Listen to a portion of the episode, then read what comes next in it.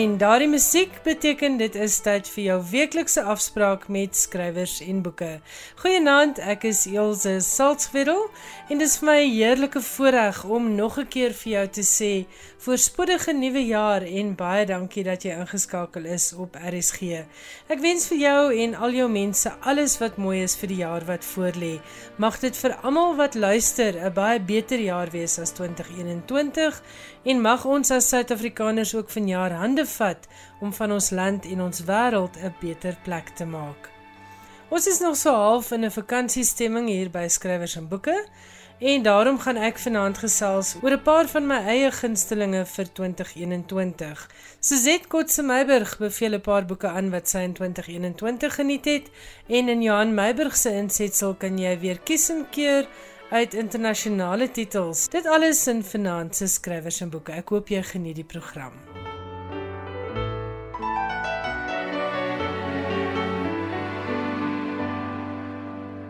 As Afrikaanse lesers is ons regtig in 'n baie bevoordeelde posisie.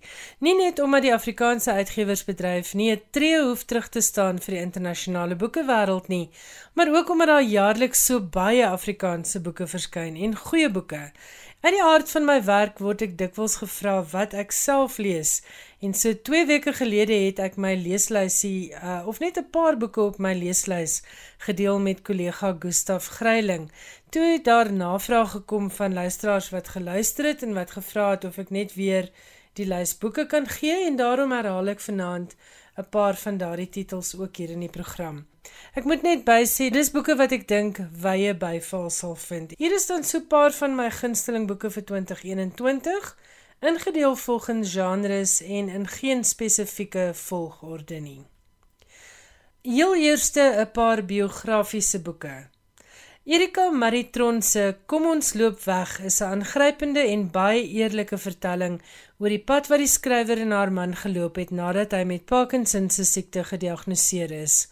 Die boek skram nie weg van die realiteite van die siekte nie en fokus ook nie net op die pasiënt nie, maar ook op die impak wat dit op die mense rondom hom of haar het. Dis 'n boek wat beslis nie maklik kon wees om te skryf nie, maar wat myns insiens 'n waardevolle gids kan wees vir almal wat hulle self in 'n soortgelyke situasie bevind.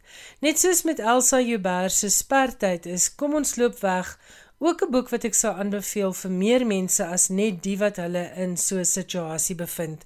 Almal met bejaarde of siek ouers of familie of selfs vriende sal hierby baat vind. Omdat die boek meer insig gee in die leier en sy of haar gesin se daaglikse lewe, behoort dit ook vir buitestanders 'n waardevolle gids te wees oor hoe om mense in so 'n situasie by te staan. Kom ons loop weg deur Erika Maritron word uitgegee deur Protea. Nog 'n boek wat my diep geraak het is Mattie Strydom se Hier waar ek nou is. Hierin vertel die skrywer hoe sy moes leer om haar dogter se selfdood te aanvaar en haar eie soortige manier moes vind om dit te verwerk. Omdat selfdood so 'n sensitiewe onderwerp is, weet 'n mens nie altyd hoe om op te tree teenoor die mense wat agterbly nie en ek dink hierdie boek gee waardevolle insig daarin. Dit behoort ook troos te bied vir mense wat self deur 'n geliefde se selfdood moet leef. Mattie skryf ook oor haar eie stryd met borskanker en haar ma se dood. Hier waar ek nou is is ook op 'n manier 'n reisjoernaal. Nie net omdat die skrywer se binnereis gedokumenteer word nie, maar ook omdat sy die leser saamneem op haar reis na die lande wat sy na Jess se dood besoek in 'n poging om haar dogter se dood te verwerk. Sy gaan nou byvoorbeeld 'n jaar lank skool in Maleisië en reis ook in daardie deel van die wêreld rond. Die leser beleef ook Turkye en Duitsland deur haar oë. Hier waar ek nou is, is nog 'n Protea publikasie. Nog 'n boek wat toevallig by Protea verskyn het, is Frederik de Jager se bundel rubrieke Man op 'n fiets ernseen. Die subtitel van hierdie boek is 55 stories van mense onderweg en die staaltjies gee nie net besondere insig in die siege van die mensdom nie, maar ook van die skrywer self. Vir mense wat dit nie weet nie, Frederik de Jager is 'n oud uitgewer en redakteur wat al verskeie skrywers gehelp het om bekendheid te verwerf en 'n mens kan sy jarelange ervaring met die geskrewe woord in elke storie in hierdie bundel raak lees. As leser kry mens ook die indruk dat hy elke woord deeglik gemeet en gepas het voordat dit in 'n woordsnoer ingeryg is. Dis weer eens ook 'n tipe reisjoernaal want Frederik woon beurtelings op die Griekse eiland Lesvos en in Suid-Afrika. Ek kan Man op 'n fiets erns heen deur Frederik de Jager uitgegee deur Protea ook aanbeveel as 'n geskenk vir 'n mens wat lief is vir goeie Afrikaanse boeke. Nou gaan ons eers luister na 'n stukkie musiek en daarna gesels ek met jou oor vier boeke uit die pen van bekende Afrikaanse vroue skrywers. Ons gaan luister na die tema musiek uit die rolprent Schindler's List. Dit is 'n ou gunsteling van my, regtig pragtige musiek. Die rolprent is gebaseer op die boek Schindler's Ark deur Thomas Keneally en dit vertel die ware verhaal van Oskar Schindler, 'n Duitser wat meer as 1000 Jode se lewens gered het tydens die Tweede Wêreldoorlog.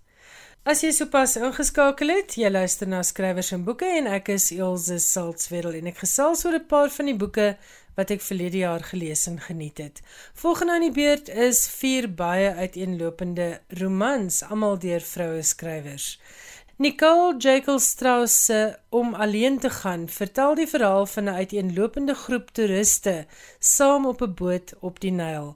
Elkeen van die toergroep is daar vir ander redes, maar almal het een of ander verlies ervaar of staan op die punt van 'n lewensveranderende tyd. Deur die oë van die middeljarige Afrikaanse Kato en die jong woedende Egiptenaar Dahoud, leer mens iets van die antieke sowel as die meer onlangse geskiedenis van Egipte. En kwessies soos geregtigheid, vergifnis en berusting word onder die loep geneem. Hierdie is weer eens 'n boek wat die leser op meer as een manier op reis neem. Om alleen te gaan deur Nicole Jekyll Strauss word uitgegee deur Quillery. Ek is 'n groot aanhanger van die werk van Gerda Taljaard en haar 2021 roman Vier Susters het weer eens nie teleurgestel nie. Dit speel af in Magubas Kloof in die tyd van die Tweede Wêreldoorlog en vertel die verhaal van vier baie uiteenlopende susters wat bymekaar is vir 'n begrafnis. Die susters verskil soos dag en nag oor meeste aspekte van die lewe en ook oor die politiek van die tyd. Suid-Afrika se deelname aan die oorlog sorg vir nog baie meer verdeeldheid as gewoonlik. Dit word op die spits gedryf wanneer 'n beseerde en verswakte ontsnapte Italiaanse krygsgevangene op die plaas aankom. Vier Susters deur Gerda Taljaard word uitgegee deur Penguin Random House. Die COVID-pandemie het noodwendig ook neerslag gevind in Afrikaanse boeke. Die Uil in die Ysbos deur Susan Koetser was die eerste Afrikaanse roman wat ek verlede jaar gelees het waarin COVID en die streng inperking as tema 'n verskyning maak. Maar moenie bekommerd wees nie, dis glad nie iets wat die verhaal oorheers nie en vorm bloot die agtergrond waarteen die verhaal van die middeljarige Gracie Jane Coetzee, 'n kinderboekskrywer en illustreerder, ontvou. Gracie se eerste kleinkind word gebore net voor die streng inperking en dit lei tot 'n besoek van haar gewese man wat oor see woon en ook haar seun se 3-jarige stiefseentjie wat vir 'n paar dae by haar kom bly. Die onverwagte besoekers en die streng staat van inperking lei daartoe dat Gracie met nuwe oë kyk na gesins- en menseverhoudings en dit dwing haar ook om terug te stap op die spore van haar verlede. Die uil in die ysbos deur Susan Koetser word uitgegee deur Iman en Resou. Nog 'n boek waarin COVID 'n verskyning gemaak het, is Janet Paul se liefdesroman Marilyn. Dit volg op haar baie gewilde trilogie Lyra, Coralie en Mirre en is op lesersaanvraag geskryf.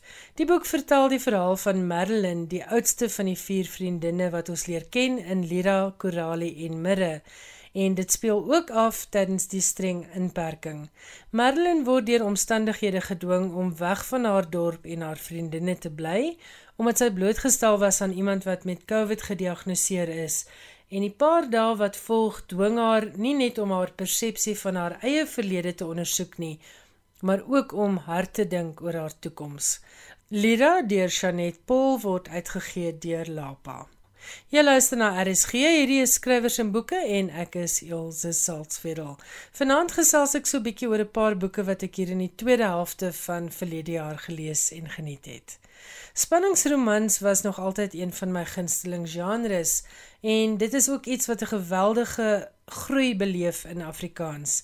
Die afgelope paar jaar het bewys dat Afrikaanse krimi skrywers, soos wat hulle hulle self noem, nie 'n aks hoef terug te staan vir internasionale skrywers in hierdie genre nie. Verlede jaar se oes het weer 'n paar heerlike spanningsromans opgelewer en hier is 'n klompie deur bekende skrywers en ek begin by Chris Karsten se gerugte van 'n ontvoering. Dit het weer eens Karsten se veelsidigheid as skrywer onderstreep. Geen van sy boeke is dieselfde nie. Ek is elke keer verras dat hy 'n nuwe aanslag en vars invalshoeke kan vind binne hierdie genre.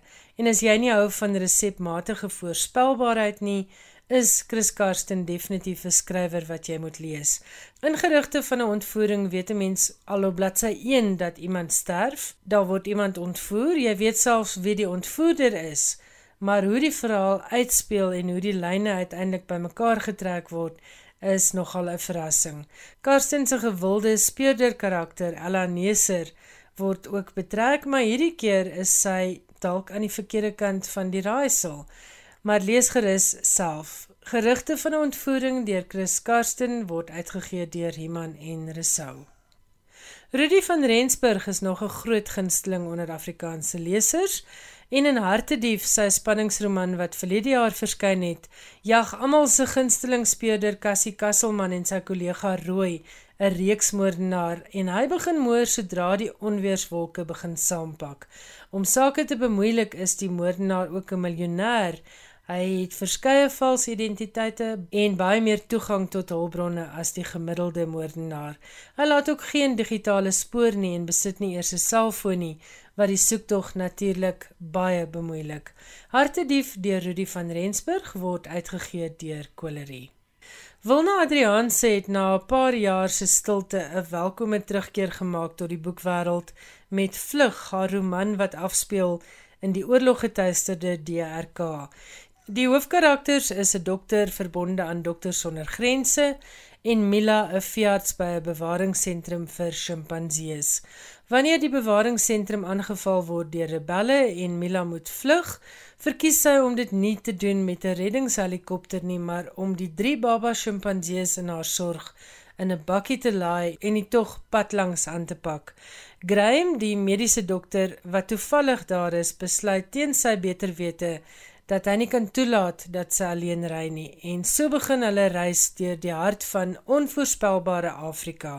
Natuurlik sorg die agtergrond van oorlog en die Afrika bos vir ekstra spanning in Vlug. Vlug deur Wilna Adrianse word uitgegee deur Tafelberg. Die waarde van stil bure deur Zelda Besuidenhout was nog 'n spanningsroman wat verlede jaar verras het. Een van die temas is stamselnavorsing en die mediese moontlikhede wat dit skep. Maar nie almal wat daarbey betrokke is, is noodwendig daar vir edele motiewe nie en gierigheid en die soeke na roem veroorsaak dat goeie mense onverwags sterf. Die een se dood word letterlik 'n ander se brood. Die waarde van stil bure deur Zelda Besuidenhout word uitgegee deur Kwela. Marie Lots se debuutspanningsroman Roofdier was nog een van die leesverrassings van 2021. Hoekom word vooraanstaande sakemanne deur 'n reeksmoordenaar geteken? En hoekom word daar op elkeen van die liggame juis 'n woestynroos uitgekerf? En is daar 'n verband tussen die moorde en die skielike toename in tieners wat as vermis aangegee word in Pretoria? Die antwoorde op al hierdie vrae gaan jy kry in Roofdier deur Marie Lots uitgegee deur Iman en Resou. Dit het 'n vinnige pas en interessante storielyn wat baie beïndruk het. Ek sien uit na nog boeke uit Marie se pen. Dan Irma Venter, sy's beslis nog een van my gunsteling spanningsromanskrywers en haar jongste boek Minder as niks is oudergewoonte uit die boonste rakke. Dis die eerste roman in 'n nuwe reeks waar die speurwerk deur 'n joernalis gedoen word. 'n veroordeelde reeksmoordenaar wat 30 jaar in die tronk deurgebring het en nou sterwend is, nader Ami Prinsloo om sy onskuld te bewys voor hy sterf. Maar Ami se eie tienersuster se onopgeloste moord spook ook nog by haar. Minder as niks deur Irma Venter word uitgegee deur Tafelberg. Maar kom ons begin by Suzette Kotse Meiburg en die boeke wat sy kan aanbeveel vir jou leeslys. My beste boek vir 2021 is sonder twyfel Skepsel deur Willem Anker. Sy vorige boek, Buis, was reeds iets spesiaals en het omtrent al die belangrikste literêre pryse ontvang. En Skepsel volg in daardie voetspore. Die boek het 3 verhaallyne wat apart verloop en net met enkele verwysings skruis. En tegnies gebruik die skrywer elkeen van die 3 hoofvertelwyses: die eerste persoon, die tweede persoon en die derde persoon. 'n Mens kan sê dat die boek as oorkoepelende tema die hele aardse bestaan insluit, van die vroegste en eenvoudigste vorms van lewe tot 'n projeksie ver die toekoms in wat bespiegel oor wat met die menslike spesies gaan gebeur. Daar is soveel aan hierdie komplekse roman wat indrukwekkend is, maar wat veral vir my uitgestaan het, is hoe toeganklik die skryfstyl is en ook hoe dit my laat lag het.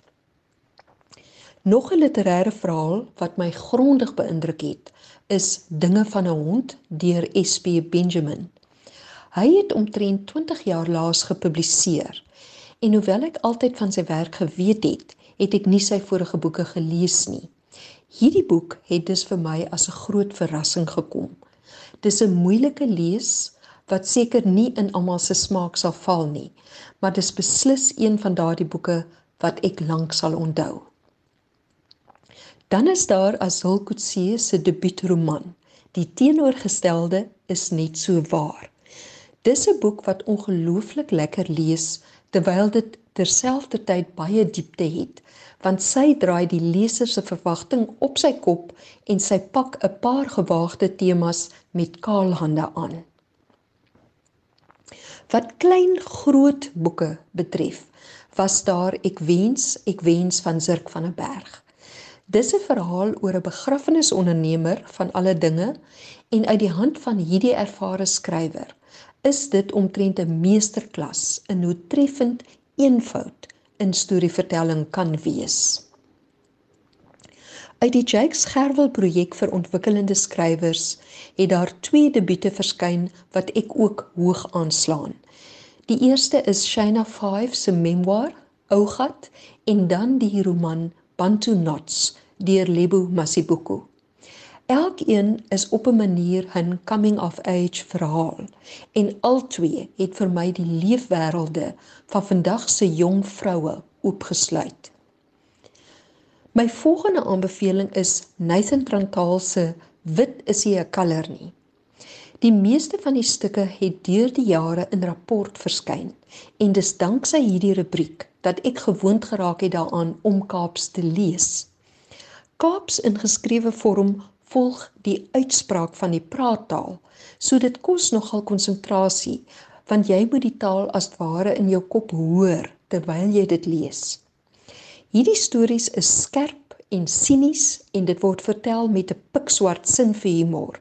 Maar ek beskou Nathan Trantaal as een van ons beste skrywers.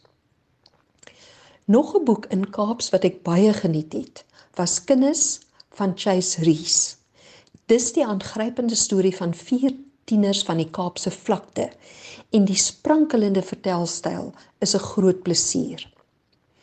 Aan die Engelse kant wil ek een boek uitsonder of eerder een skrywer wat ek wil aanbeveel en dis Johnny Steinberg. Hy het al 8 boeke gepubliseer en is verskeie kere bekroon, maar ek het hom eers by sy 5de boek begin lees, naamlik Three Letter Plague. Sy hele benadering tot narratiewe nie-fiksie het my so beïndruk dat ek besluit het om sy hele lys boeke deur te werk. En vanjaar het ek toe uitgekom by Midlands, sy heel eerste boek wat in 2002 verskyn het. Laastens wil ek die nuutste US woordfeesbundel met die titel Iets anders aanbeveel vir alle liefhebbers van kortverhale. Dis werklik 'n uitstekende versameling en ek sê dit nie net oor ek betrokke is by die publikasie daarvan nie. Hierdie is al die 6ste bundel en dis gewoonlik net by die Woordfees te koop. Omdat die fees nie vir jaar gehou kon word nie, moet lesers dit direk by die Woordfeeskantoor bestel. Maar dis regtig 'n boek wat die moeite werd is om aan te skaf. Ek het al klaar 'n lang lys boeke wat ek in die nuwe jaar wil lees, onder meer The Promise van Damon Galgut. So die goeie nuus is dat daar altyd net nog boeke sal wees om ons lewens te verryk. Dit was dan die boeke wat Suzette Kotse Meiburg kan aanbeveel vir jou leeslys. Suzette, baie dankie, baie interessante boeke op jou lysie. Nou is dit tyd vir Johan Meiburg se insetsel oor internasionale skrywers en boeke. Jy kan meer uitvind oor Joan Didion en Anne Rice, albei van hulle is onlangs oorlede, en dan ook oor Arnon Greenberg, vanjaar se wenner van die PC Hoofprys. Johan gesels ook oor 'n paar nuwe boeke deur bekroonde skrywers. Hier is Johan. Arnon Greenberg, die Nederlandse skrywer wat in 2015 op besoek was aan Suid-Afrika, by die bekendstelling van die Afrikaanse vertaling van Tirza, sy roman van 2006, het pas die Nederlandse PC Hoofprys vir sy skryfwerk ontvang. Die PC Hoofprys word gereken as die belangrikste oeuvreprys in die Nederlandse letterkunde en word jaarliks om die beurt toegeken vir verhalende prosa, beskouende prosa en poësie. Die prys word in Mei in Den Haag aan Grünberg toegeken. In 'n verklaring het die paneel wat die oordeel gevel het, verwys na die omvangryke bydrae wat Grünberg tot die Nederlandse letterkunde gelewer het. Grünberg het 'n onverskrokke nuuskierigheid en gemeenskapsbetrokkenheid, lui die verklaring. Hy is obsessief in sy soektog na die liefdevolle aspek in die mens hoewel hy die donker kant van menswees nooit uit die oog verloor nie. Hy het 'n eie styl, taal en grammatika ontwikkel waarmee hy gruwel en teerheid met satire en opregtheid vergestel. Grünberg se eerste roman, Blaue Maandagen, 'n roman waarin hy die wêreld van prostitusie met wrang humor beskryf, het in 1994 verskyn. Na die sukses van die roman het nog 16 romans die lig gesien waarvan talle vertaal is. Lina Spies het die Afrikaans vertaling van Tirza gedoen. Die boek is uitgegee deur Protea. Oor Grünberg se skryfwerk het James Coetzee by geleentheid opgemerk die wispelturigheid en sardoniese intelligensie wat deurskyn in Arnon Grünberg se prosa maak dit 'n voortgesette plesier om te lees.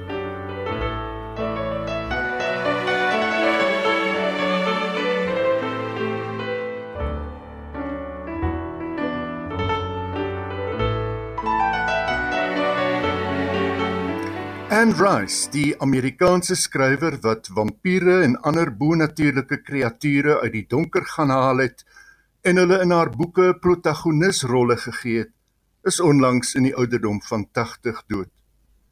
Rice se bekendste boek is gewis Interview with a Vampire wat in 1976 verskyn het en in 1994 tot 'n rolprent weergawe verwerk is met Tom Cruise, Brad Pitt en Kirsten Dunst in die rolbesetting. Met die boek het Rice die weg gebaan vir skrywers so Stephanie Meyer met haar Twilight reeks. Ek dink al my skryfwerk is aanduidend van 'n stryd met my vrese, het Rice eens in onderhoud gesê.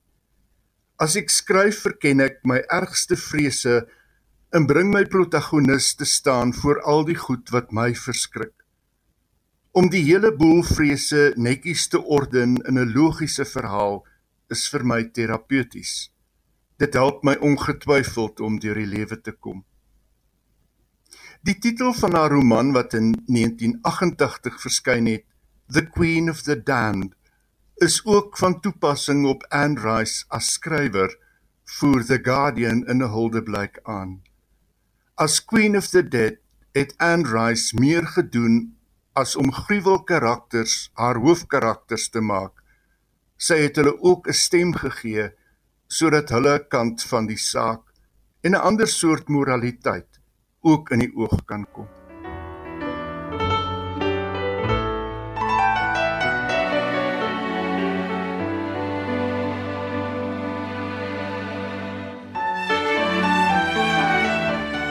Einde verlede jaar is Joan Didion, Amerikaanse joernalis, skrywer, antropoloog en eksponent van die New Journalism beweging, ook dood. Sy was 87. Vir langer as 60 jaar het Didion onomwonde en met 'n helder stem geskryf oor die Amerikaanse samelewing met die mantra wat sy gevestig het: We tell ourselves stories in order to live. Bekend vir haar ietwat afgetrokke en dikwels elegiese aanslag, het Didion in haar loopbaan gereeld vervreemding en isolasie verwoord soos die verwerking van die dood van haar man in The Year of Magical Thinking, 'n boek wat in aanmerking gekom het vir die Pulitzerprys.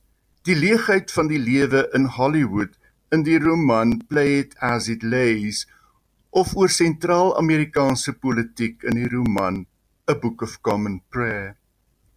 Hier lees Joan Didion vooruit The Year of Magical Thinking, haar besinning oor die dood van haar man die rolprentregisseur John Gregory Dunn. I realize as I write this that I do not want to finish this account, nor did I want to finish the year. The craziness is receding, but no clarity is taking its place. I look for resolution and find none. I did not want to finish the year because I know that as the days pass, as January becomes February and February becomes summer, certain things will happen. My image of John at the instant of his death will become less immediate, less raw. It will become something that happened in another year. My sense of John himself, John alive, will become more remote, transmuted into whatever best serves my life without him. In fact, this is already beginning to happen. All year I've been keeping time by last year's calendar. What were we doing on this day last year? Where did we have dinner? Is it the day a year ago we flew to Honolulu after Quintana's wedding? Is it the day a year ago we flew back from Paris? Is it the day? I realize today for the first time that my memory of this day a year ago is a memory that does not involve John. This day a year ago was December 31, 2003. John did not see this day a year ago. John was dead. I was crossing Lexington Avenue when this occurred to me. I know why we try to keep the dead alive. We try to keep them alive in order to keep them with us. I also know that if we are to live ourselves, there comes a point at which we must relinquish the dead, let them go, keep them dead. Let them become the photograph on the table. Let them become the name on the trust accounts. Let go of them in the water. Knowing this does not make it any easier to let go of him in the water. In fact, the apprehension that our life together will decreasingly be the center of my everyday seemed today on Lexington Avenue so distinct a betrayal that I lost all sense of oncoming traffic. I think about leaving the lay at St. John the Divine, a souvenir of the Christmas in Honolulu when we filled the screen with blue. During the years when people still left Honolulu on the Matson lines, the custom at the moment of departure was to throw leis on the water, a promise that the traveler would return. The leis would get caught in the wake and go bruised and brown. The way the gardenias in the pool filter at the house in Brentwood Park had gone bruised and brown. The other morning when I woke, I tried to remember the arrangement of the rooms in the house in Brentwood Park. I imagined walking through the rooms, first on the ground floor and then the second. Later in the day, I realized that I had forgotten one. The lay I left at St. John the Divine would have gone brown by now.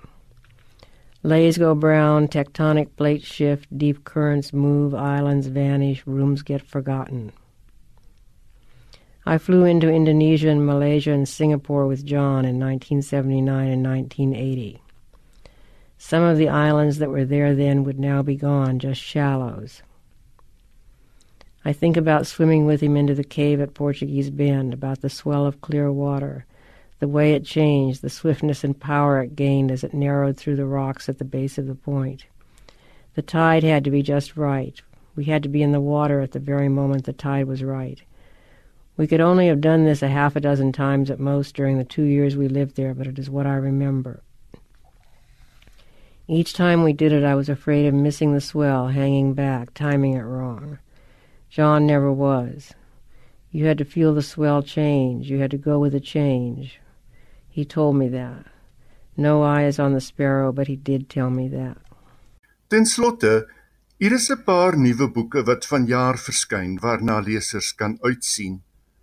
Van Bernardine Evaristo, die Britse skrywer wat in 2019 die Booker-prys verower het met haar roman Girl, Woman, Other, verskyn 'n memoir, Manifesto on Never Giving Up.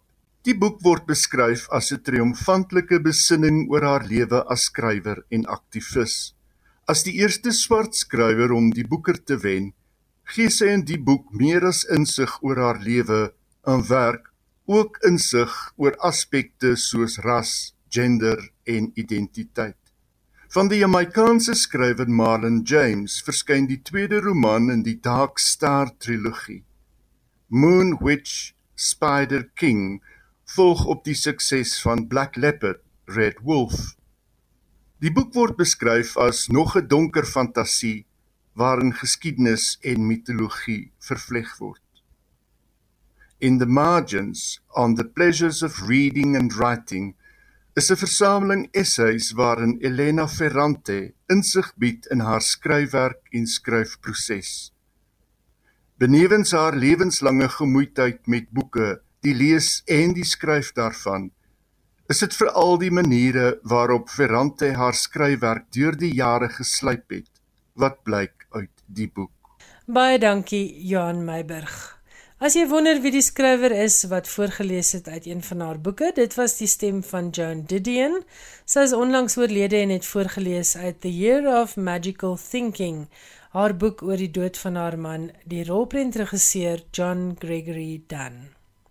Dit bring ons ongelukkig aan die einde van vanaand se program. Baie dankie dat jy saamgeluister het en onthou volgende Woensdag aand om 8uur maak ons weer so met nog 'n uitsending van skrywers en boeke. Dan is ons weer terug in die ou formaat en ek gaan gesels met 'n skrywer of twee oor hulle nuutste werk. Tot dan, geniet die laaste paar dae voor die skole weer begin en die jaar weer op volle vaart wegspring. En soos altyd, lekker lees.